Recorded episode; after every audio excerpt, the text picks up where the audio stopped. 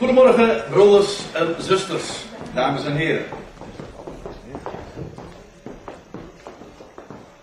Ik stel voor de Bijbel te gaan openen bij Richteren hoofdstuk 16. Richteren hoofdstuk 16. En ik wil uw aandacht vanmorgen eens vragen voor een figuur. Waarvan ik het vermoeden heb dat als hij vandaag aan de dag gelezen zou hebben in deze contraien, dat hij vanmorgen niet hier in de samenkomst zou zijn. Ja, wie zou dat nou zijn? Nou, geen onbekende naam. Ik denk dat de meeste mensen wel zich iets kunnen voorstellen bij de figuur Simson. Daar hoef je niet eens kerkelijk of zo voor te zijn. Ik denk dat hij, in ieder geval is dat een beetje mijn persoonlijk getuigenis. Hij hoort wel bij mijn, van kinds af aan al bij de top 10 van populaire bijbelfiguren. Hij sprak enorm tot mijn verbeelding. Je hoeft me ook niks te vertellen over Simpson, want ik heb die verhalen verslonden uit de kinderbijbel. En, ik, en met name dan de editie van W.G. van der Hulst. Die, die platen, die staan nog helder voor de geest. Allemaal, ook de geschiedenis die we vanmorgen wat, wat nader zullen bezien. Schitterende verhalen. En de meeste mensen die weten ook wel een klein beetje wat van die Simpson. Ja, er zijn ook mensen die helemaal niets weten van Simpson. Die denken alleen maar aan bandenplaksel. Dat kan ook nog natuurlijk. Denk ik trouwens ook aan horen. Maar dan in iets andere zin van dat Simpson de figuur is. In ieder geval verwijst naar hem die de band herstelt. Maar die is wat moeilijker, ja. Maar daar moeten we eens over nadenken. Nee, niet de band bestelt, maar de band herstelt. Maar dan heb ik het over de band herstellen tussen hemel en aarde, tussen mens en God. Maar goed, dat is uh, niet al serieus, dat weet ik ook wel. Richter 16.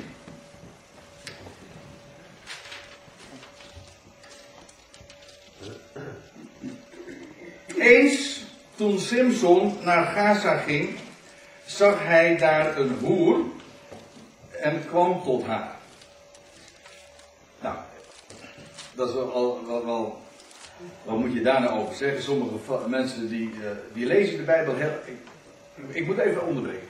Sommige mensen lezen de Bijbel heel erg moralistisch. Weet je wel, in de trant van, ja, die Bijbel is een boek vol met voorbeelden en dat vertelt ons hoe we moeten leven. Dus je leest iets en, nou ja, en dan, dan neem je daar een voorbeeld aan. Nou, ik hoop niet dat u dat in dit geval ook doet. Er staat trouwens niet eens bij dat het verkeerd was. Als de Bijbel een moralistisch boek zou zijn, dan is dat eigenlijk een gebrek aan de Bijbel. De Bijbel is wel een voorbeeldenboek hoor. Maar dan in een ander opzicht. Ik kom daar straks op terug. In elk geval, Simpson die kwam in Gaza, ziet daar een hoer en kwam tot haar. Zodra aan de Gazieten, dat wil zeggen dus de inwoners van Gaza, meegedeeld was, Simpson is hier gekomen, stelde zij zich aan alle kanten op en loerde de hele nacht op hem in de stadspoort.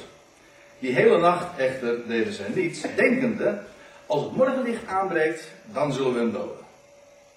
Maar Simson bleef slapen tot middernacht. En te middernacht stond hij op, greep de deuren van de stadspoort en de beide posten, rukte ze met, met grendel en al los en legde ze op zijn schouders en bracht ze naar de top van de berg die tegenover Hebron ligt.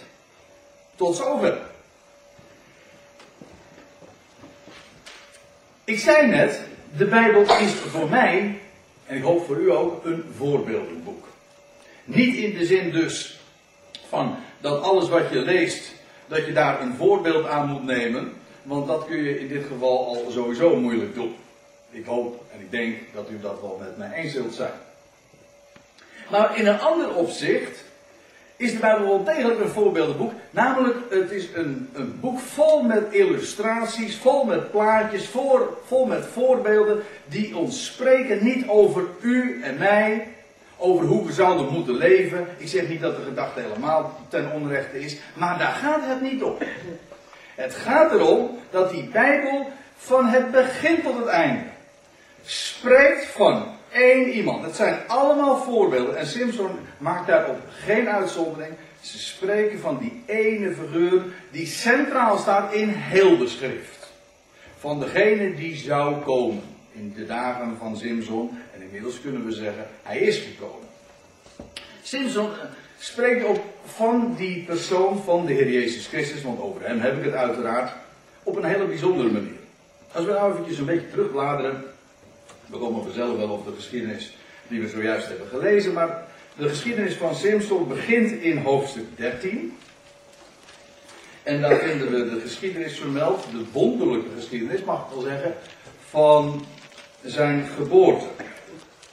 Want dat, zo gaat het ook uh, vaak met, uh, met markante bijbelse personages. Op een wonderlijke manier zijn ze toch wel ter wereld gekomen.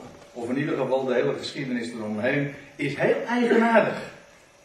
Bij Simpson is dat in ieder geval het geval.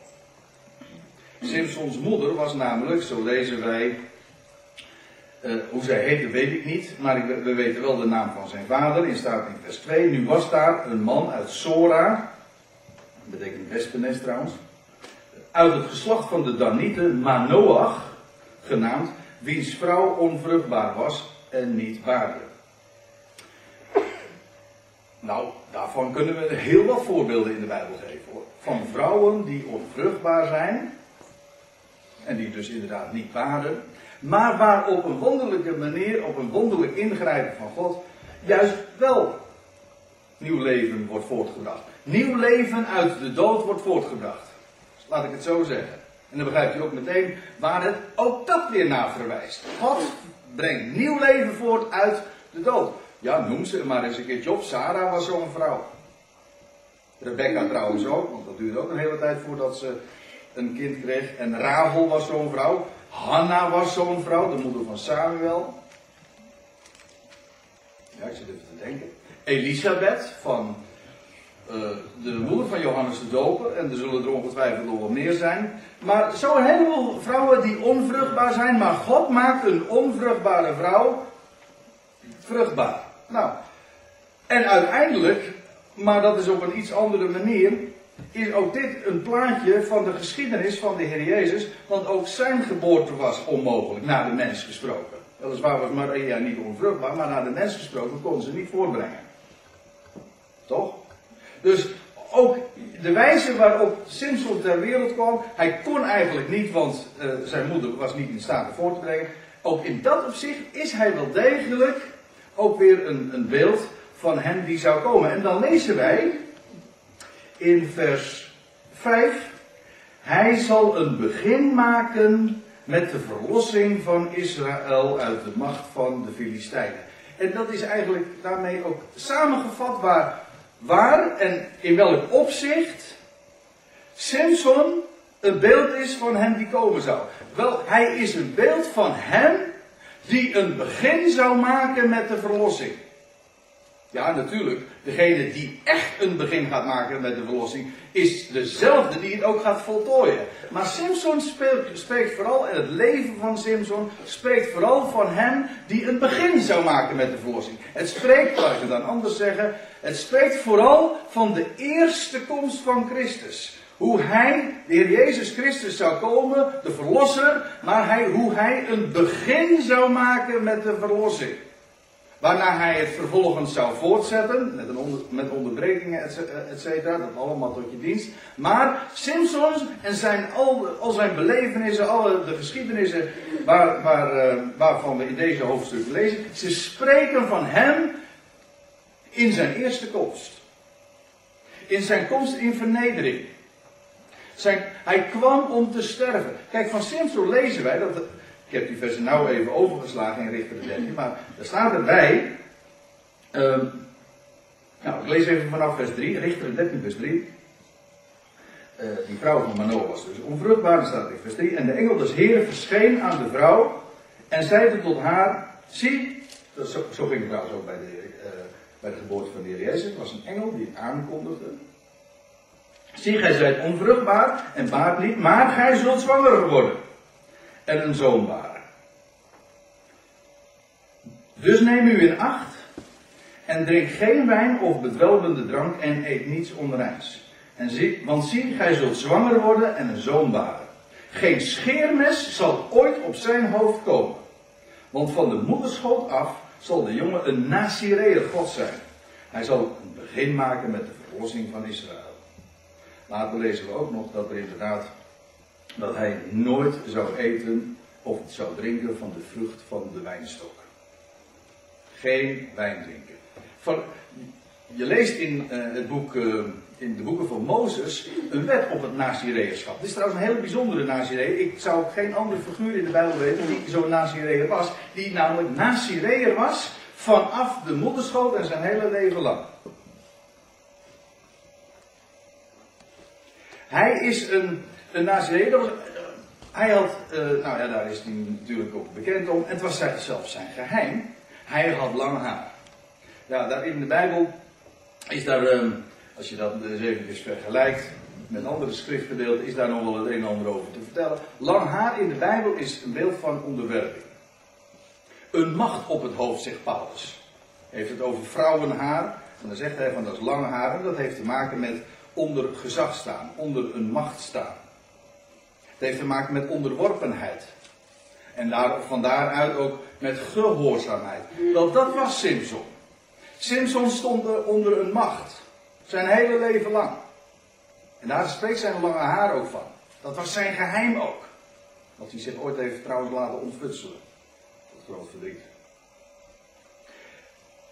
Maar als ik de lijn doortrek naar hem die zou komen en die echt een begin zou maken met de verlossing, dan is dat ook zo. De Heer Jezus kwam hier op aarde inderdaad ook in gehoorzaamheid, in vernedering, in onderworpenheid. En hij heeft zijn hele leven, hij heeft gehoorzaamheid, staat er in de Hebreeënbrief, geleerd. Hij heeft de schrift onderzocht en hij is die weggegaan. En hij is die weggegaan. En waarom kwam hij hier? Nou, Filippenzen 2 zegt, hij is gehoorzaam geworden tot de dood, ja tot de dood van het kruis. En dat is ook precies de reden waarom hij kwam. Hij kwam om te sterven. En dat, en dat, is ook, uh, dat wordt ook geïllustreerd in het feit dat hij niet zou drinken van de vrucht van de wijnstok. Wijn heeft altijd te maken met, met nieuw leven, met vreugde. Er is weinig uh, fantasie voor nodig om dat om dat te begrijpen. Trouwens, de vorige keer dat ik hier was, toen heb ik daar ook over gesproken, herinner ik me, over het tekenen van brood en wijn. Toen hebben we dat ook al vastgesteld. Wijn spreekt van vreugde. Dat zeggen we op het leven. Nou, de Heer Jezus kwam. Nou, of laat ik het anders zeggen. Simpson is een beeld van hem die kwam hier op aarde in zijn eerste komst. In vernedering, onder een macht, in gehoorzaamheid, in onderworpenheid. Hij is gehoorzaam geworden tot de dood. Hij kwam om te sterven. Niet de vrucht van de wijnstok. Ja, de vreugde was hem voorgesteld. Maar daarom staat er ook, heeft hij het kruis, op de. Hij heeft het kruis op zich genomen en de schande niet geacht. En hij, heeft, hij is de weg gegaan, ziende op de vreugde welke hem was voorgesteld. Hebreeën 12, vers 2 en 3. Nou, daar spreekt hij naast dat hele nazireërschap van. Geen scheermes ooit op zijn hoofd. Lang haar dus. Onder een macht, onderworpen. En geen, geen vreugde. Nog niet het nieuwe leven. Dat zou pas later komen. Hij kwam om te sterven. En zo zou hij een begin maken met de verlossing van Israël. Nou, en dan vind je dat in, um, in het vervolg ook van dit hoofdstuk worden nog andere bijzondere dingen ook over hem verteld. Ook daarin spreekt dat alles van hem die zou komen. Hoofdstuk 14 krijg je dan de bekende geschiedenis van Simpsons huwelijk. Dat eigenlijk vanaf het begin al niet goed ging. Beeld van het oude verbond. Zeg ik eventjes voor degene die het straks nog eens een keertje thuis nog eens wat nader willen onderzoeken. Ik geef je zomaar wat hints ter overweging. Het spreekt van het oude verbond dat niet goed zou gaan. En waarom? En het mislukte uiteindelijk ook waarom? Omdat die Filistijnen, en die Filistijnen zijn feitelijk ook een beeld hier ook van het volk van Israël.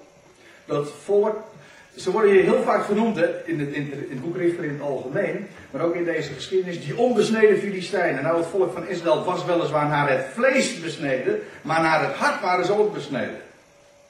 Een volk onbesneden van hart. Een volk ook met een bedekking op het hart, want dat is eigenlijk wat dus wat besnijdenis eh, ook betekent. Hè? De bedekking wordt weggenomen. Nou, en als de besnijdenis van het hart wil zeggen. de bedekking van het hart wordt weggenomen. Men ziet.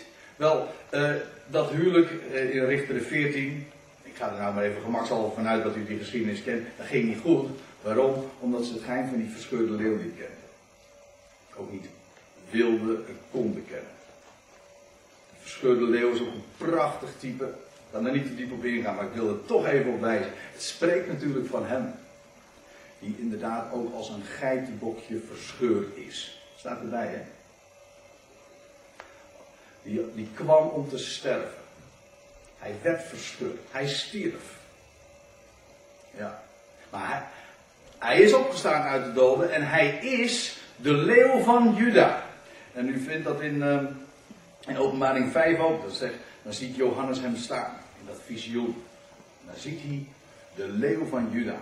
En dan wordt er gevraagd, wie is dat nou? Dat is het lam dat staat als geslacht. En daar spreekt die verscheurde leeuw van. Daar komt honing uit voort. Het woord van God, nieuw leven. En dan krijgen we Richter 15, daar ga, ik, daar ga ik maar niet te veel op in. Kan ik ook niet te veel op ingaan. Daar gaat een, eh, een hele tarweoogst. Na de Filistijnen, ja, dat kun je zeggen. Weet wel, je kent die geschiedenis van die vossen die Simpson dan vangt. En dan krijg je ook nog die geschiedenis van dat hij die duizend man verslaat. Met een ezelskaak. Ezels, een ezel heeft trouwens ook altijd te maken met vernedering, nederigheid. Met een ezelskaak versloeg ik dat ezelstuig. Met een ezelskaak, duizend man. Staat er in Richter 15, vers 16. Zo uh, eindigt die geschiedenis dan min of meer. Nou, ik laat het allemaal even voor wat het is. We hebben het op, opgezond, eventjes zo onze gedachten bepaald van wie was die Simpson nou ook alweer en waar spreekt het van. En dan komen we weer richting 16 en dan staat er eens, toen Simpson naar Gaza ging, zag hij daar een boer en hij kwam tot haar. Kijk, als je het moralistisch opvat, dan zeg je van, dat was niet goed wat Simpson deed. Nee, dat begrijp ik. Maar nu eventjes als type. Simpson als een beeld van hem die zou komen. Simpson als een beeld van hem die hier op aarde kwam, hier in zijn eerste komst. Om een begin te maken met de verlossing. Hij die kwam om te sterven en de weg van gehoorzaamheid ging, als die Nazireër. Overigens tussen twee haakjes, ik vergat het net nog te zeggen. Uh, misschien dat dat ook wel de reden is dat, Sims, dat de Heer Jezus altijd in plaatjes en kinderbijbels altijd wordt voorgesteld als een man met lang haar. Is niet voor zover ik dat in de Bijbel begrijp, is dat niet correct. Want mannen hebben kort haar. Normaal gesproken. Maar uh, de Heer wordt altijd afgebeeld als iemand met lang haar. En waarschijnlijk is dat vanwege de gedachte dat hij een Nazireër was. Nou, in beeld was hij dat wel, letterlijk niet. Dat zeg ik eventjes om het ingewikkeld. In beeld was hij een Nazireër. Maar letterlijk niet, want van de Heer Jezus wordt zelfs gezegd dat hij wel wijn dronk. Hè? Hij werd, er wordt zelfs gezegd van, Johannes kwam niet drink, eten en niet drinken en, ze, en zie ze, hij, ze zeiden allemaal, hij heeft een demon. En de heer Jezus, die kwam wel etende, wel drinkende en dan zeggen ze, zie, een vraatzuchtige en een wijnzuiper. Het is niet goed of het deugt niet, hè.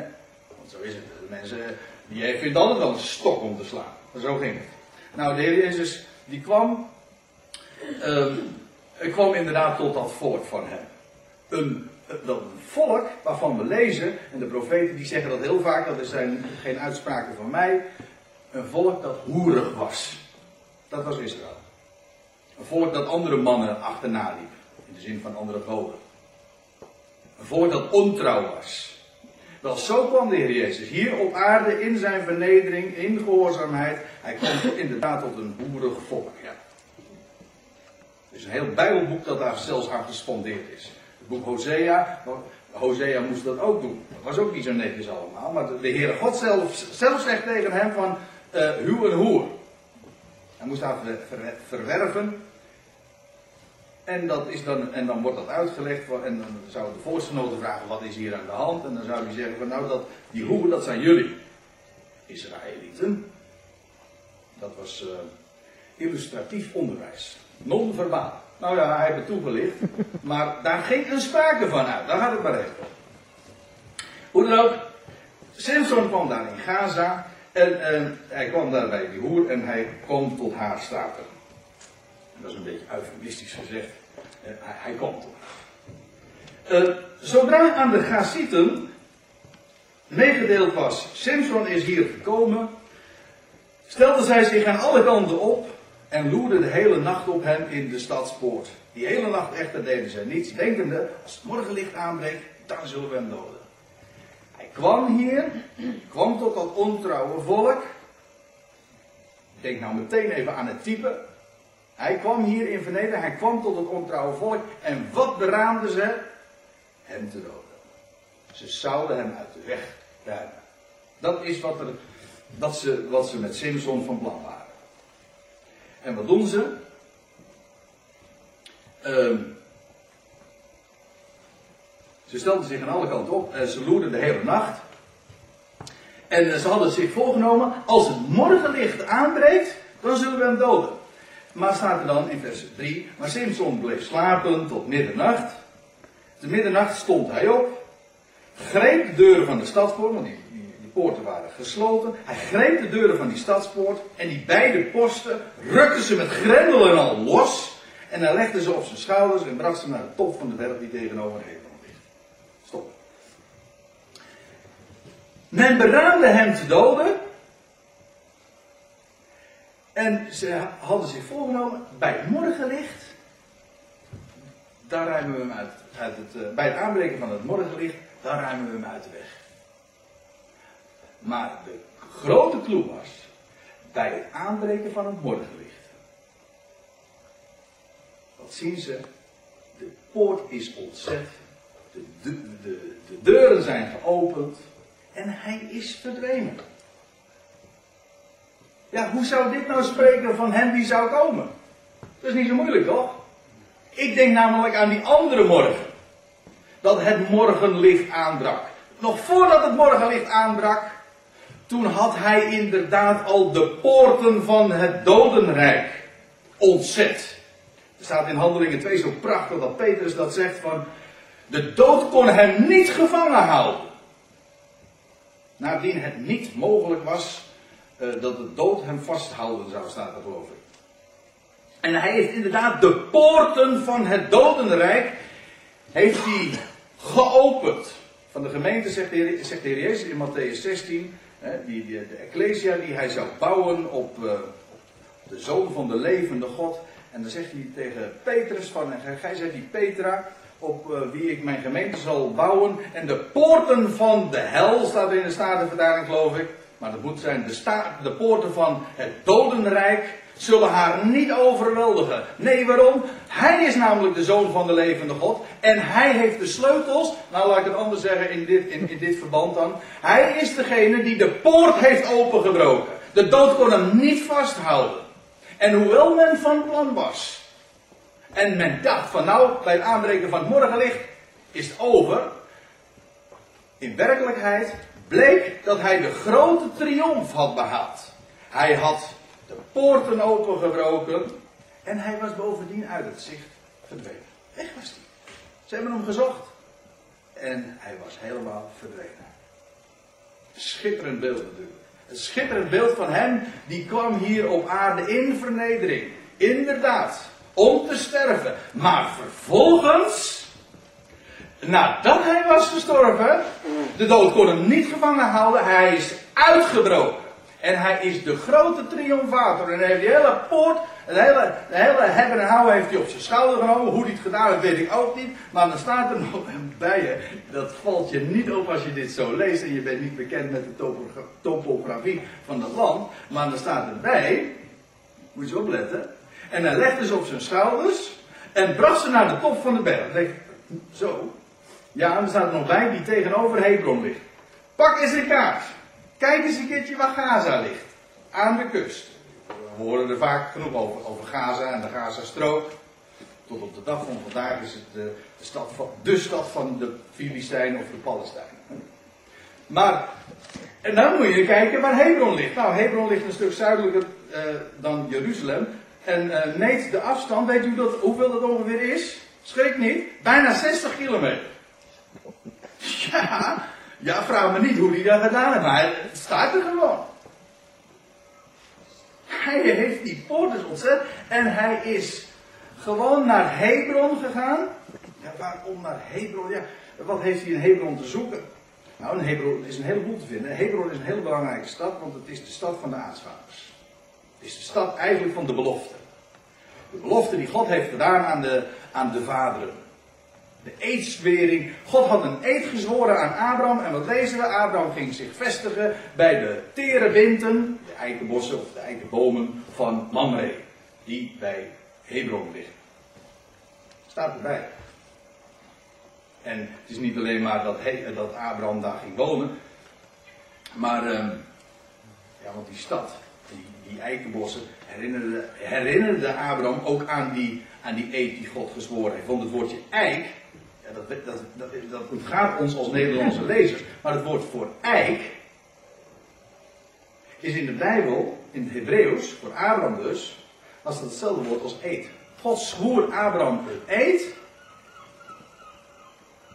en Abraham ging wonen bij de eikenbossen van Mamre. Je moet maar eens opletten hoe vaak dat voorkomt in de Bijbel. Die eiken en die terebinten. Waarom wordt dat zo genoemd? Nou, dat komt omdat een eik, dat betekent een eed. Dat wil zeggen van eedsfering dus. Het herinnert dus aan Gods belofte. Heeft dat trouwens ook nog weer alles te maken met het teken van de besnijdenis. En de vrucht van de eik. Moet u maar eens over nadenken. Waar niet altijd dubbelzinnig vanmorgen wordt. Hè?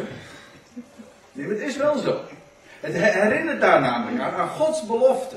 En die aartsvaders, die hebben ze, ja, die hebben daar eh, met heel veel met Hebron. En ze zijn er ook eh, trouwens ook allemaal begraven. Abraham is er begraven, Sarah is er begraven, in, bij Machpela. Isaac is er begraven, Jacob is er begraven, later Jozef ook. Is, is zijn gebeten zelfs meegenomen vanuit Egypte en is daar bij Hebron alsnog begraven. Schitterende geschiedenis. Maar Hebron is de stad van de aartsvaders. Hebron is de stad van, van de belofte. Van God die belooft en die zelfs onder eedswering belooft. En, en, en dan is het Simpson die zoveel jaren later de grote triomf op de vijand behaalt. En als embleem die hele stadsdeur daarbij Hebron vestigt. Ja, en dan staat er nog bij op de top van de weg hij gaat dus de hoogte. Hij heeft de triomf behaald. Hij gaat de, de hoogte in. En op de top, hij kon niet hoger. Daar heeft hij het embleem neergezet van, de, van zijn overwinning. Daar in het aangezicht van de aartsvaders.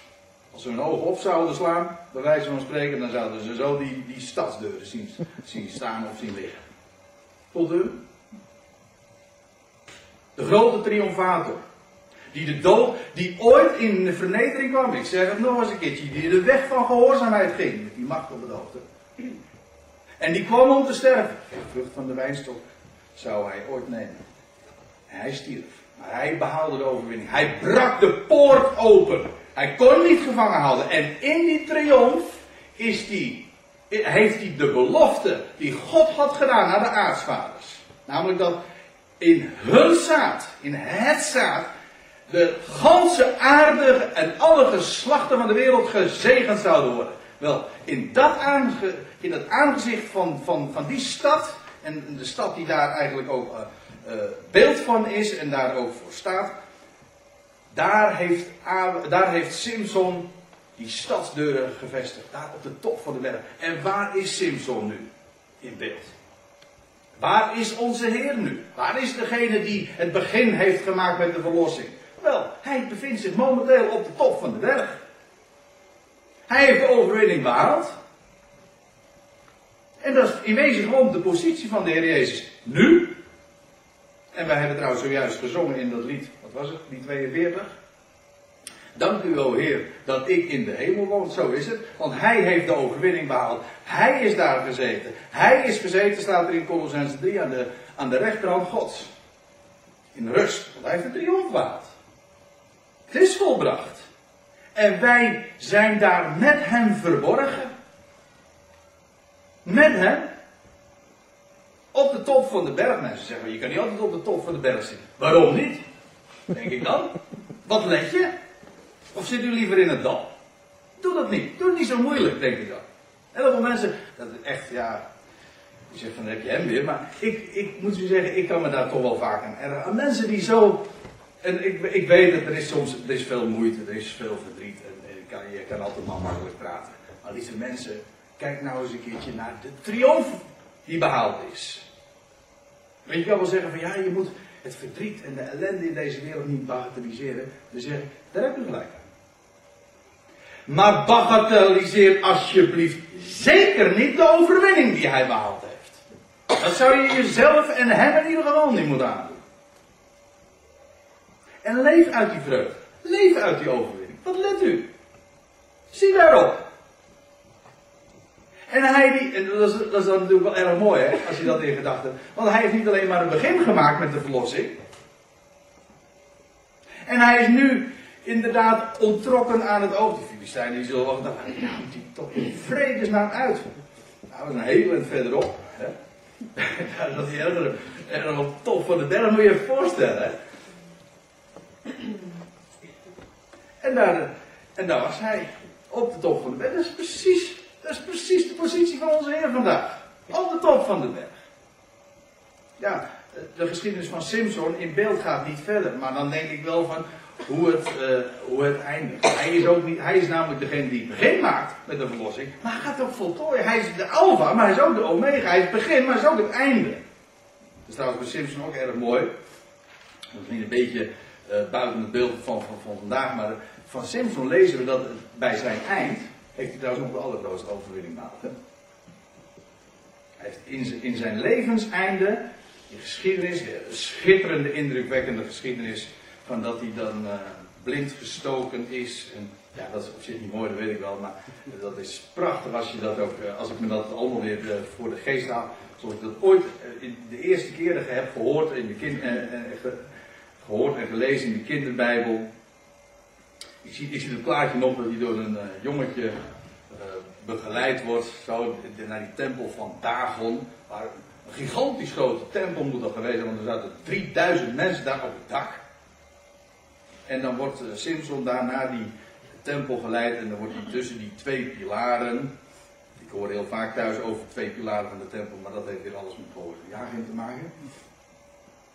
Ja, maar ja, ik zeg het nou eventjes, want toen laatst vertelde ik, had ik het met mijn jongens. Die dus Boas, even voor de goede orde, die heette Boas en Jagen. Maar Boas en Jagen, dat waren de dames van de twee pilaren in de tempel.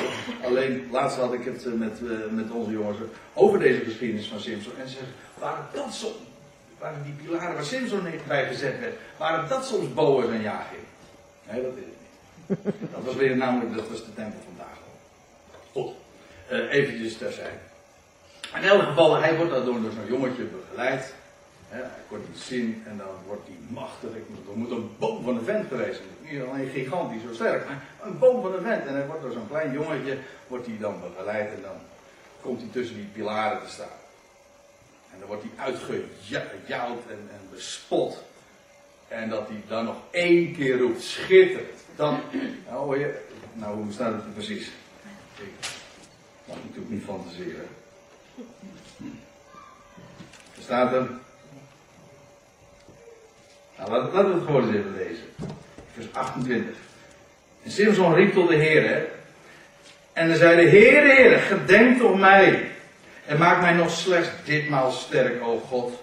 Opdat ik mij met één raak voor mijn, beide, voor mijn beide ogen op de Filistijnen breken. En daarop greep Simson de beide middelste zuilen waarop het gebouw rustte met zijn rechterhand tegen de ene en steunende, uh, en, uh, tegen de ene steunende en met zijn linkerhand tegen de andere. En Simson zei dat ik met de Filistijnen sterven. En toen boog hij zich met kracht en het gebouw stortte in boven de stadsposten en boven al het volk dat erin was. En de doden die hij in zijn leven gedood heeft, waren talrijker dan die hij in zijn leven gedood had. Ja, sorry? Dat heeft in zijn leven. Hè? Doden die hij sterven. In zijn leven. Oh, heb ik dat verkeerd voorgelezen? Dan zal ik het nog een keertje opnieuw gedaan, maar nu goed. De doden die hij in zijn sterven gedood heeft, waren talrijker dan die hij in zijn leven gedood had. Dat wil zeggen, de grootste overwinning maalde en nog op het eind. Ja, daar is nog heel, er is natuurlijk veel meer over te vertellen. Maar wat ik nou zo mooi vind, Dat is, ook een universeel Bijbels principe. God bewaart het beste voor het laatst. Altijd. Daar me niet uit om dat te illustreren, maar dat zie je iedere keer. God bewaart het beste voor altijd. Voor eh, God bewaart het beste voor het laatste jaar. En dan denk ik, aan- en dan denk ik, ja, dat is nou precies ook de reden waarom wij mensen kunnen zijn. Hè, die op de bergtop mogen wonen. En, die, en dat bedoel ik ook in, in symbolische zin. Wij zijn mensen die met hoop. Wij zijn mensen die weet hebben van de overwinning. Wij zijn mensen die uitzien op de overwinning op de dood. Wij zijn mensen die leven uit een hoop die zo enorm groot is. Zo alomvattend is. Heerlijk dat we zo'n Heer mogen kennen. Ik stel voor, dat we met elkaar een lied gaan zingen. Ja. 223. Jezus, uw naam zij de hoogste eer in hemel, aard en lucht. Voor u knielt mens en engel neer en Satan vreest en vlucht. Ja. Als eentje van tevoren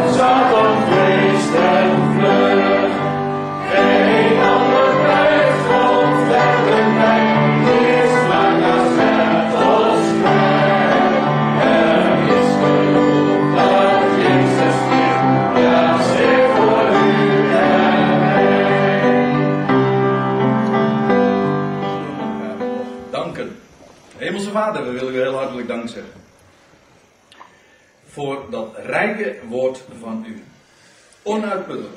En Heer, we verbazen ons er telkens weer over hoe dat woord inderdaad spreekt van die ene grote God die zijn zoon heeft gegeven. Om een begin te maken met de verlossing. Hoe hij kwam om te sterven. Hoe hij de weg van gehoorzaamheid ging. Maar ook hoe hij de dood is uitgebroken. En hoe hij als triomfator nu ten hemel is gevaren. En daar op de top van de berg de over, grote overwinnaar is en ook zal blijken te zijn. En Heer, we danken u dat we uit die wetenschap mogen leven. En we hebben gezongen, o zag de wereld slechts als wij die rijkdom van genade. Dat is ook zo. Het, zijn, het is maar een handjevol mensen, relatief, die deze dingen weet en mag weten, omdat hun ogen daarvoor geopend zijn. En Heer, we prijzen onszelf gelukkig dat u onze ogen hebt geopend. En we danken u dat wat wij nu weten, dat, alle, dat allen het zullen weten. Dat alle knie gaat buigen, alle tong het zal erkennen. Hij inderdaad is die eer, tot eer van God de Vader. Heer, we danken u dat we dat mogen weten en dat we in die blijdschap, in die hoop van u mogen leven. Dat we mogen weten, het beste komt nog. En u het allerbeste voor het laatst bewaard. Heer, we danken u dat we gelukkige mensen mogen zijn. Dat we een goed bericht mogen kennen, een blijde boodschap. En Heer, het houdt niet op. En Heer, we danken u dat we daarvan mochten horen vanmorgen. Dat we daarvan mogen spreken, dat we ervan mogen getuigen, dat we eruit mogen leven. En dat ons leven op die wijze ook werkelijk tot glorie is van die ene grote God die dat alles zo bedacht heeft. Die een plan heeft dat vaststaat en waarbij nooit iets misgaat. Heer, we bevelen ons in rust en met alle vertrouwen die grote God aan. Amen.